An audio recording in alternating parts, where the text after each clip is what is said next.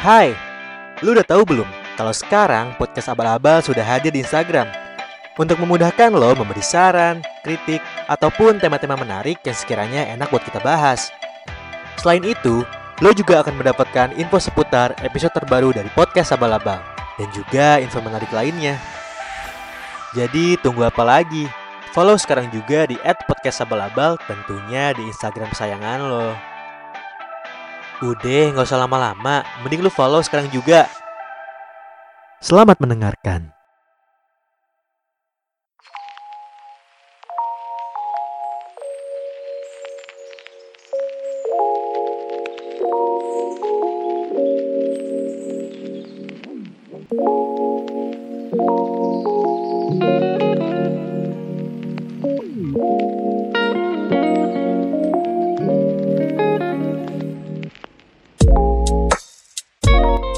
Hadirnya sosial media di kehidupan kita tentunya memberikan warna tersendiri dalam kehidupan sehari-hari. Ada yang menggunakannya sebagai wadah usaha, membentuk personal branding, atau sesimpel membagi cerita sehari-hari dan untuk sekedar hiburan aja. Tapi, gak jarang, beberapa orang merasa bahwa sosial media bukan lagi menjadi tempat yang aman untuk dijadikan media penghibur. Semakin ke sini, justru merasa bahwa sosial media lebih banyak memberikan dampak negatif dibanding dampak positifnya. Kadang isi kontennya cuma bikin insecure, overthinking, atau dengan kata lain, ya udah jadi toxic. Lo sendiri pernah gak sih ngerasain kayak gitu? Sampai bahkan diaktif account dan puasa main sosmed hanya untuk kesehatan jiwa dan raga lo. Kalau lo pernah, Mungkin apa yang lo rasain sama persis seperti apa yang dirasain sama teman gue ini. Pada episode kali ini, gue udah bersama Diandra, Versti, dan beberapa teman lainnya. Kita akan berbagi pengalaman dan pandangan kita mengenai sosial media toxic itu sendiri. Yang mungkin aja lo sendiri pernah ngerasainnya. Gue Nova Lilal, selamat datang di podcast Abal-Abal. Bukan percakapan abal-abal.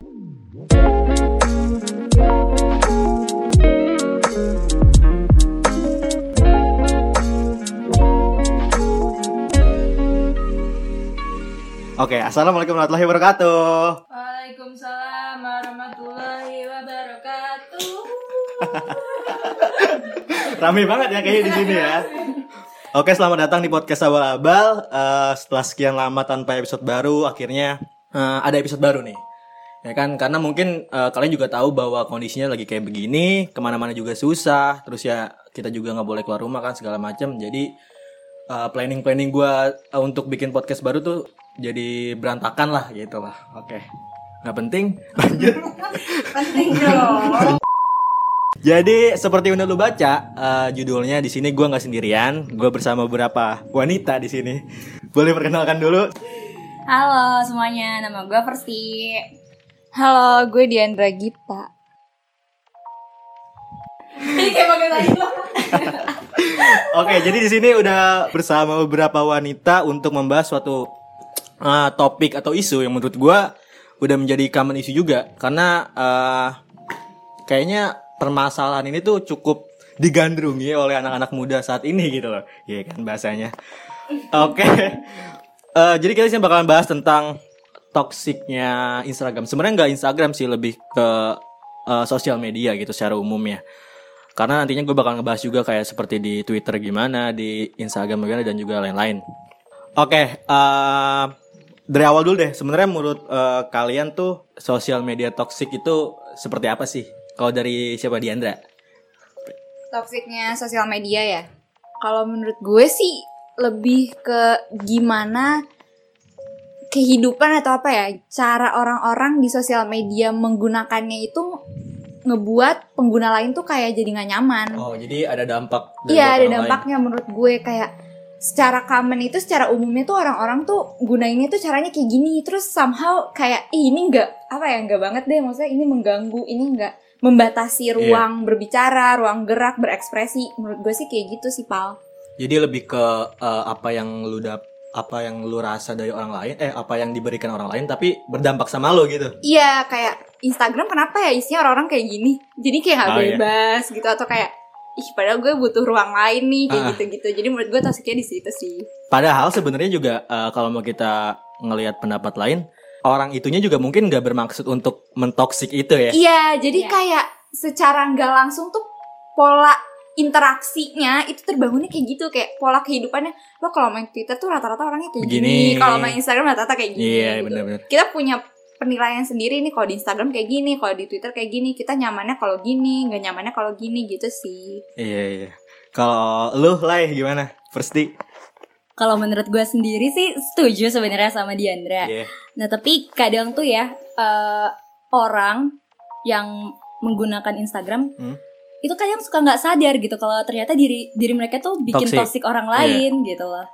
Jadinya ya ya udah mereka nggak akan nggak akan sadar kalau nggak ada orang yang ini sih nggak ada orang yang ngasih tahu gitu. Kalau lu toksik gitu. Ya kalau lo tuh ya itu kasar sih sebenarnya Iya, lebih eksplisit itu. iya lebih enak kayak ya kalau bisa lo kurangin lah. kurang nyaman kitanya Mm-mm. Tapi sebenarnya emang kalau ngomongin kayak begitu kita juga nggak bisa mengkontrol seisi Instagram untuk menyenangkan kita sih. Maksudnya Ya, tadi kan kita kan sepakat bahwa definisi dari toxic itu ketika ada orang uh, nge-share apa misalkan, terus kita ngerasa kayak aduh kok gini nih yang ujung-ujungnya jadi buat kita sendiri toxic ya gitu loh. Hmm. Berarti kan emang pada intinya mungkin kita sendiri yang harus mengkontrol apa yang kita lihat, apa yang kita baca gitu sih. Ya, terus bagi gue juga eh, apa sih? eh, kan dengan adanya stigma ini, Hmm. ini tuh jadi bikin kitanya nggak percaya diri gitu loh untuk ngupload Oh, juga, ya kan? insecure. Insecure, karena ada stigma yang eh, sosial media toxic. Nah, kita Hmm. jadi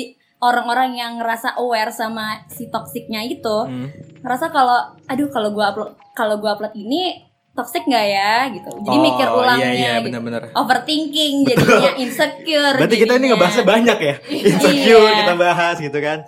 Tapi emang bener sih kalau kayak gitu dengan adanya fenomena ini kita jadi lebih hati-hati lagi gitu. Kira-kira postingan kita nih bikin orang toksik gak nih? Gitu-gitu. Benar sih. Kalau gue sendiri sih bukan insecure sih Pal, justru gue malah ngerasa kayak gue kehilangan tempat untuk berekspresi diri gue yang gue tuh pengen nih kayak gue gue pengen menjadikan sosial media itu sebagai tempat gue menuangkan segala sesuatu gitu misalnya Hmm. gue cerita Iya. misalnya gue sharing sharing kayak gitu tapi somehow tuh ada pikiran yang muncul kayak ih orang-orang ilfeel gak sih ngeliatin gue kayak gini Oh. gitu loh jadi kayak muncul-muncul pikiran gue lagi kayak ini tuh kontennya tuh bukan konten ya ini tuh gue pantas gak sih ngupload kayak Ini, gini di gitu ya. first akun karena sebenarnya gue kurang mendukung bukan kurang mendukung gue pribadi tuh kurang serak banget kalau harus punya second akun untuk cuma buat share-share kayak gitu ngerti gak sih Iya.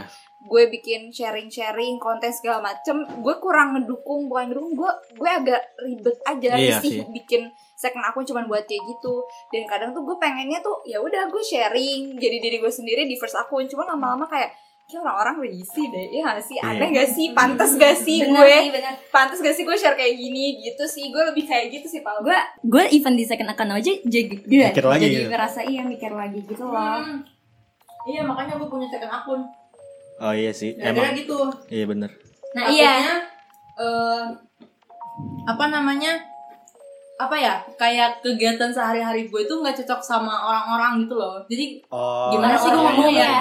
Hmm, jadi kayak di apaan sih naik kayak gitu ngelihatnya. Kayak Diandra Gitu. berarti nggak nggak jauh beda Iya. Diandra. Hmm. Tapi kalau begitu berarti lebih ke lu overthinking aja gak sih? Karena kan itu lu nggak bisa tahu pasti apa emang orang bener Iya seperti sih. itu gitu loh. tapi pasti akan ada pro kontra nggak sih tetap kenapa gue overthinking karena orang-orang gak melakukan itu Pal Hmm. coba sekarang nih nih Lu sekarang doang coba- gitu, lu doang Nih, gitu. Iya, coba sekarang lihat deh, ada gak sih orang di first akun yang cerita hahi? Nggak ada, mereka tuh ceritanya di Jarang. second akun. Iya, Iya. sementara gue kayak, enggak bro, gue gak butuh second akun. Jadi- gue maunya ngelakuin di... Kebanyakan first akun itu buat yang image-nya baik-baik. Nah, yang Betul. emang- Ya, Betul, dan betul, dan betul. yang yang followersnya banyak Hmm. aka influencer Jadi Bener apa? Jadi kenapa kita nggak bikin di first akun? Karena isinya normal semua, sedangkan tuh keseharian kita Nggak normal. nggak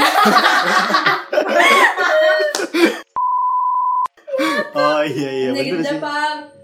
Setuju banget sama yang Naila tadi. Jadi orang tuh banyak yang ngelakuin ngelakuin aktivitasnya di first akun tuh sebagai sarana ranah profesional kerja aja gitu. Oh iya. Misalnya sharing kegiatan kampus, misal promosiin acara kampus, terus misalnya dia jadi misalnya dia kampanye jadi ketua himpunan lah, jadi Iya, apa kayak gitu. Jadi lebih kayak Branding. branding diri sendiri yang baik-baik dan pekerjaan. Ada juga yang kayak ya kerja ya ya promosiin barang segala macam. Jadi menurut gua first account sekarang tuh lebih kayak tempat profesional aja, tempat kerja, Iya. tempat formal, bukan lagi tempat yang lo bisa sharing berekspresi sehari-hari gitu loh bener sih. pendapat Bener. gitu sih. Terlebih lagi juga kalau misalkan kita di apa eh, second account, mungkin kita bisa kontrol nih siapa yang kira-kira bakal ngeliat story kita, bang, daily activity kita gitu. Kalau di first kan mungkin terlalu susah untuk mengontrol itu ya, gitu loh. Jadi ya bener kata Diandra tadi gitu, lebih eh, first account tuh lebih dipakai buat branding yang baik-baik aja gitu, yang buruk-buruknya mungkin di second gitu. Plus juga kan sekarang Instagram yang first kan biasanya suka dilihat sama ini kan kantor-kantor gitu kalau misalnya kita mau apply. Oh iya. Jadi makanya kerjaan kuliah juga kita banyak banget yang sering apa namanya ngumpulin tugas lewat Instagram Iya. gitu-gitu. Jadi Iya, kita benar, benar-benar benar, harus mikirin itu juga sih dosen kita ngeliat dan lain-lain. Ya oke, kalau mis- mungkin kalau misalkan masalah pemahamannya itu. Nah, gue sekarang mau nanya nih, eh dari kalian ada gak sih yang benar-benar merasain kayak, aduh ini bener-bener bikin mental gua nggak bener banget nih, gara-gara buka Twitter entah itu Instagram segala macam gitu, ada gak sih?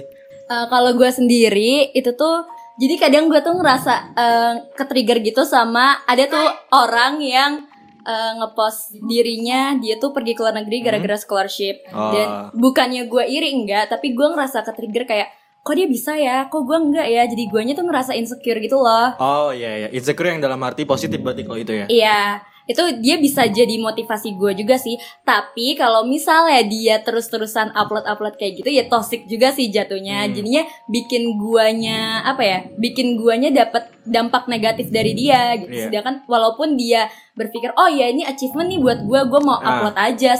Terus dengan PD-nya udah upload tanpa memikirkan perasaan orang lain, tapi ternyata tanpa disadari orang lain juga ngerasa dampaknya walaupun kena dampaknya tuh negatif Mm-mm. gitu. Mungkin eh, balik lagi kita ke pemahaman awal gitu. Dia nggak bermaksud untuk eh, bikin orang lain iri, walaupun mungkin kita juga nggak tahu gitu ya tujuannya seperti apa. Berarti kan ujung-ujungnya juga bisa jadi ke eh, diri kita lagi kayak insecure. Aduh, kok gue di umur yang sama belum bisa kayak dia gitu ya mungkin ya. Yes, benar sih. Kalau pendapat pribadi gue nih yang uh, Tentang alay. kasus tentang Oh alay, iya, saya bisa bisa. sebenarnya itu akan nama ya? masalah gue bukan di insecurity ya, lay sorry. Jadi kalau gue sih jadi nggak ada yang jelas gitu loh. Maksudnya antara lo bebas berekspresi sama lo Flexing. menjadi flexing Iya. dan atau lo menjadi toxic gitu. Jadi somehow ya mungkin dia emang mau berekspresi aja, mau mau sharing-sharing tentang dia keluar negeri atau dia mau nginget-nginget dia dulu keluar negeri gimana Iya. segala macam tanpa maksud menyinggung orang gitu. Jadi ini yang emang jadi menurut gua boundariesnya tuh kayak kita tuh nggak tahu batasan mana sih orang itu bener-bener ngasih dampak positif Ah. dengan sharing sama orang-orang yang malah ngasih kita insecurity Iya gitu sih. loh. Itu Iya. jadi sosial media yang bebas ini jadi batasannya tuh nggak nggak terukur gitu loh. Jadi Hmm. kayaknya kalau menurut gua balik lagi itu ke hal gimana kita meng- Tergantung orang Iya, gimana kita menanggapinya, interpretasi kita sendiri itu seperti apa Hmm. gitu loh.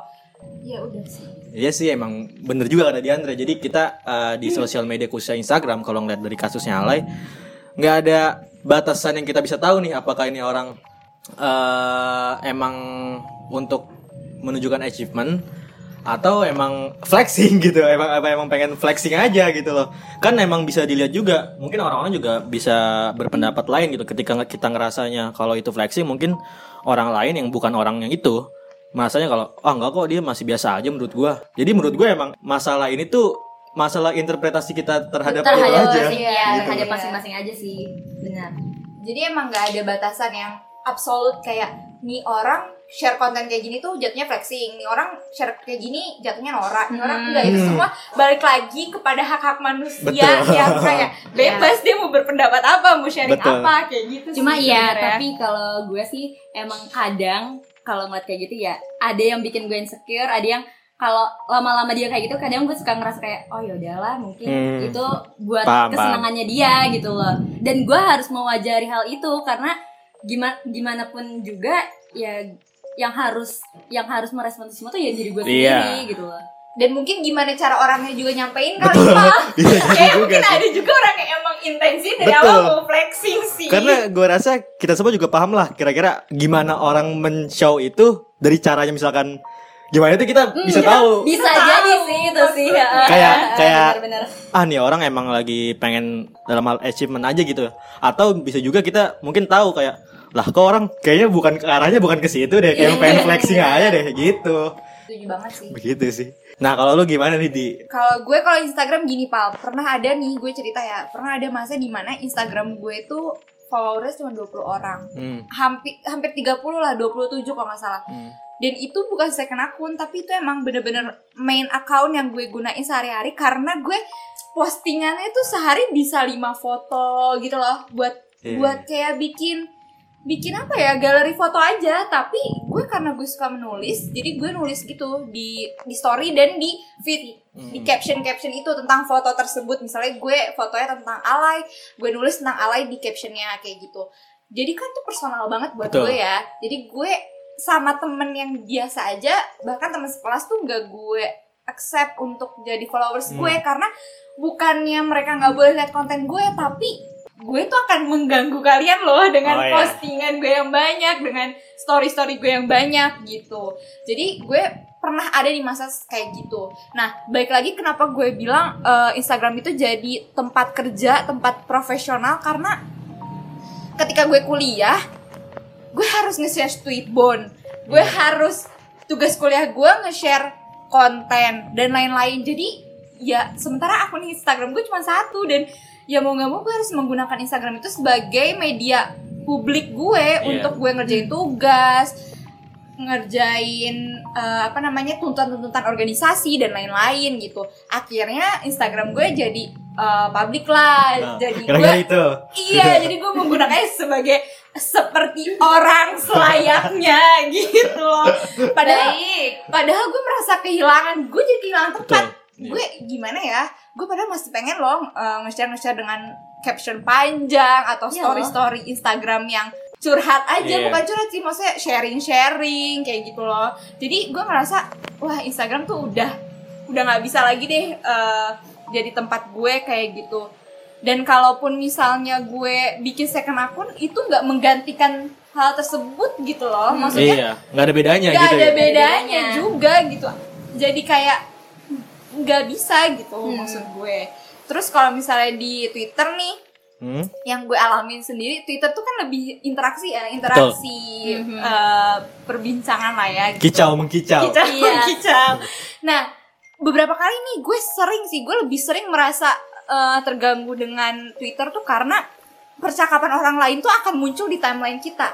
Jadi Yang gue, nggak, yang sebenarnya pengen nggak pengen lu baca Iya. gitu. Iya. ya jadi gue merasa orang-orang tuh dinamis banget ya, maksudnya sangat-sangat berinteraksi banget ya mereka interaktif Hmm. gitu ya sama temen yang ininya berkomentar sama temen ini komentar segala macam yang gue kadang aduh gue cuma pengen ngeliat tweet-tweet kocak aja Iya. bro gitu Iya, iya, kan iya. gue pengen ngeliat teks dari berseragam kayak gitu gitu doang. Iya, iya, iya. Iya, sebut merek. Duh, maaf ya gitu.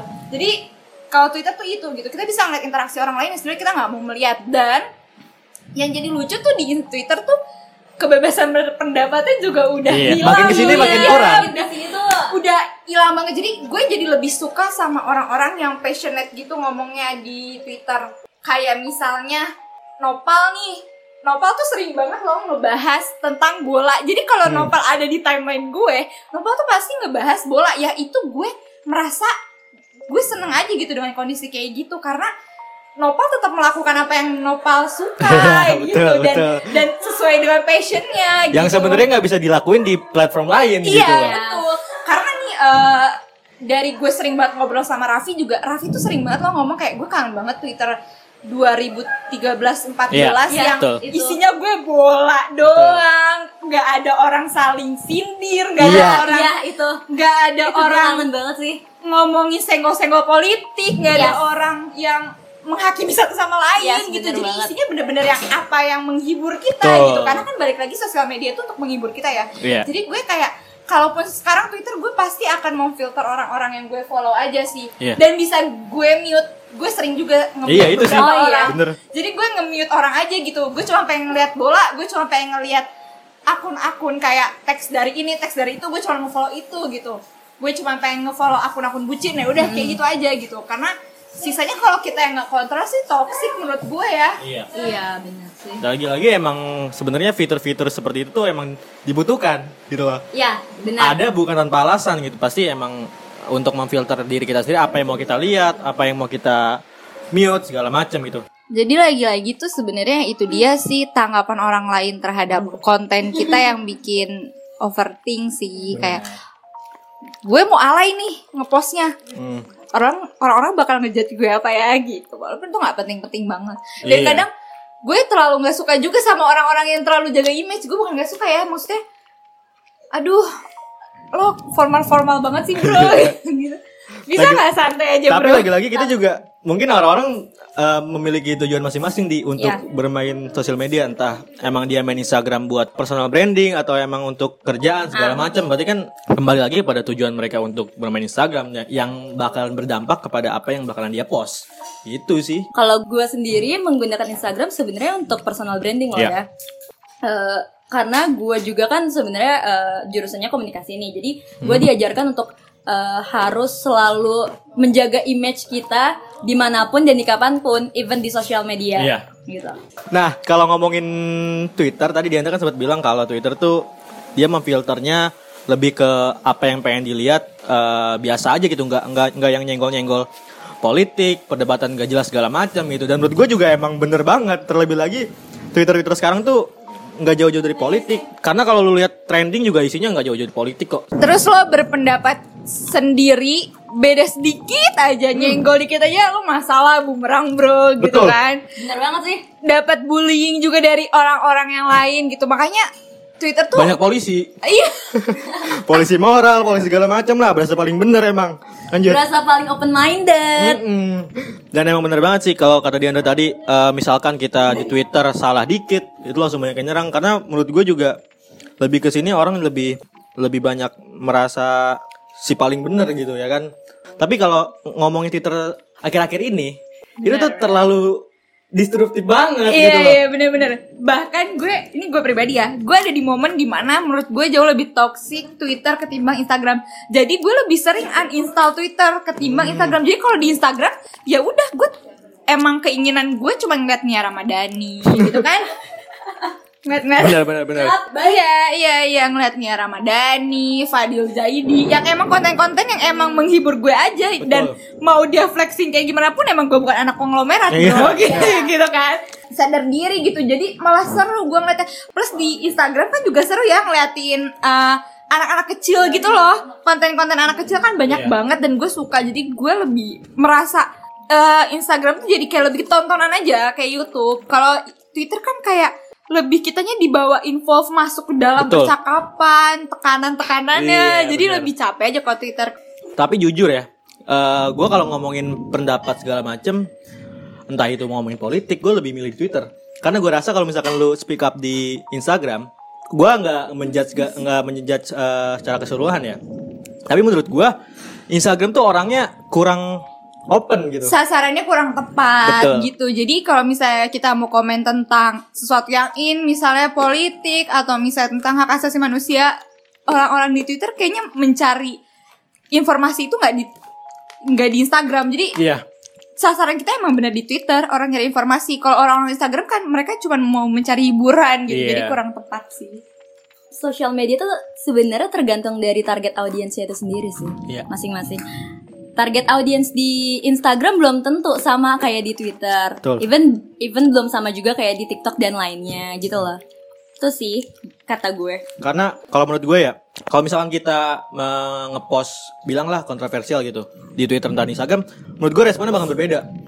iya jadi eh, dengan adanya lo bilang polisi moral atau eh, orang-orang yang lebih teredukasi itu menjadi hal yang positif juga menurut gue karena mereka bisa eh, mengkritik orang dengan mengedukasi orang lain gitu loh. Jadi itu jelas. Di satu sisi itu baik, di satu sisi lain juga kayak, duh kita kan juga pakai santai-santai aja Iya, gitu loh. Jadi agak-agak, menurut gue agak-agak batasannya tuh rancu ya. Emang jadi sulit sih menurut gue.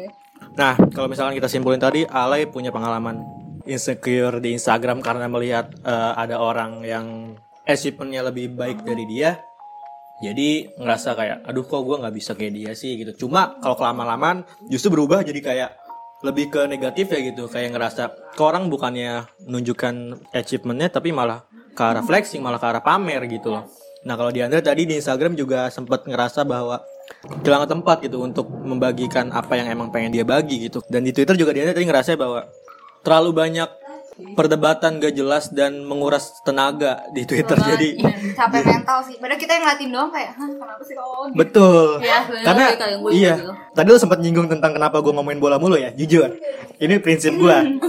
Setahun belakangan gue mulai ngurangin pendapat politik gue karena gue rasa yang pertama itu debatable, yang kedua karena debatable itu bisa mengurangi apa ya esensi dari main Twitter itu sendiri. Gitu. Iya benar benar benar benar. Makanya belakangan ini gue lebih sering nge-tweet bola karena gue rasa bola tuh debatable juga mungkin, cuma nggak yang gontok-gontokan pakai emosi gitu. Kita bawanya have fun, Iya. dasarnya udah have fun. Kalau politik mau aduh capek deh. Walaupun lo mungkin capable kan, Pal, karena lo anak politik. Dan gue juga lebih suka aja di Twitter orang-orang yang sharing bener-bener apa yang dia suka. Misalnya Interestnya. Iya. interestnya bola, bucin juga nggak apa-apa. Gue Iya. malah seneng-seneng aja ngeliat orang bucin.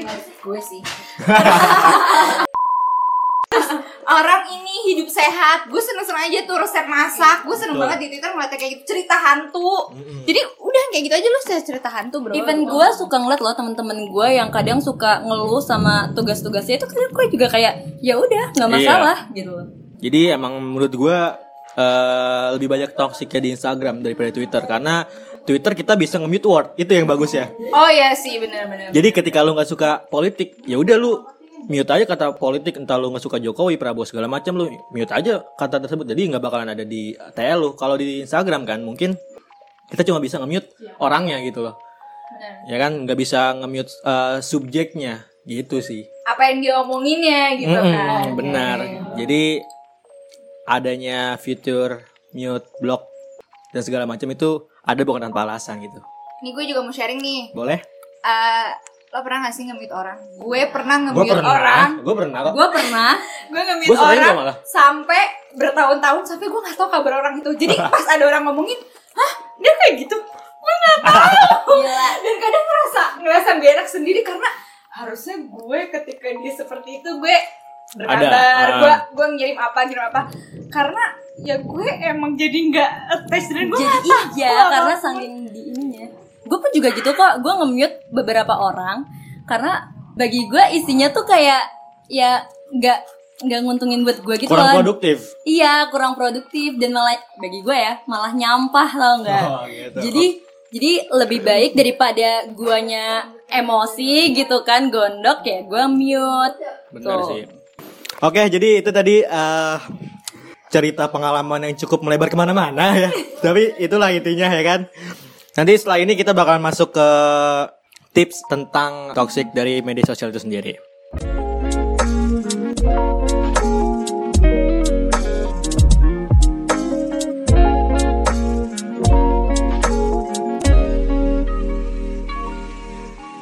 Nah, setelah kita tadi sempat berbicara tentang pendapat kita mengenai sosial media toksik dan juga pengalaman, sekarang kita mulai masuk ke apa ya disebutnya? Kesimpulan mungkin atau tips and trick dari cara mengurangi ketoksikan sosial media itu sendiri.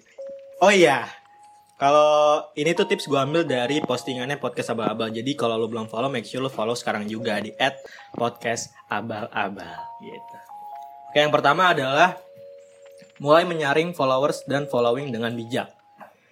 Jadi eh, sebenarnya cukup masuk juga sama lu yang tadi di yang lu bilang lu pengen yang follow akun lu tuh cuma orang-orang sekitar lu aja gitu kan. Kalau menurut lu gimana? Menurut gue buat eh, poin tips yang pertama nih menyaring following itu bener banget. Jadi kita bener-bener tahu siapa yang bisa ngeliat konten kita dan dengan kita tahu siapa yang bisa ngeliat kita jadi merasa aman kita Betul. ngerasa secure gitu jadi nggak ada lagi insecure insecure nah ini juga nih yang agak keresahan gue ya maaf nyambung di sini kalau misalnya main sosial media tuh kita tuh nggak perlu loh minta fallback sama orang maksudnya tuh Bener-bener. maksudnya eh, yang di fallback itu punya hak untuk gue Melihat apa yang melihat apa dia yang dia lihat jadi kalau gue nggak nge-fallback lu bukan karena kita nggak temen tapi karena Betul, gue betul. menyaring Betul. siapa yang gue follow supaya gue merasa secure gitu kalau lu mau follow gue silahkan gitu kan Hmm. tapi lu nggak perlu minta nih gitu kalau misalnya gue mau nge-follow lu dengan sendirinya gue akan nge-follow lu jadi hal-hal yang ini nih common sense yang harus kayak menurut gue lo harus paham juga ya jadi karena kita semua tuh bekerja untuk kita membuat masing-masing tuh nyaman jadi bukan berarti ada tendensi apa-apa sih Betul. Ya, balik lagi ke tema yang tadi dibilang, maksudnya kita harus mulai menyaring following dan following kita eh fol- following Followers dan kita. followers kita gitu. Karena ya following kan apa yang lu pengen lihat, kalau yang lu lihat itu mengganggu batin lo, ya balik lagi ke toxic lagi dong. Iya, benar. gitu. Kalau menurut lu gimana? Kalau menurut gue ya gue juga setuju sih sama omongannya Diandra dan eh, itu justru jadi pelajaran juga buat gue yang berani untuk berani eh, bilang say no ke orang-orang yang minta fallback ke gue. Asik, Gitu. lu banyak banget yang follow lu emang ya? Enggak, maksudnya gila gila enggak. Kalau gue nggak mau kalau gue nggak mau dia ada di itu ya gue biasanya tuh kadang suka yang ragu-ragu gitu loh, Val. Suka nggak enakan. Enakan. Padahal lu emang gak pengen gitu. ya. gue suka nggak sih. enakan jadinya ya mau nggak mau gue fallback gitu makanya itu jadi pelajaran buat gue juga sih Benar, benar, benar.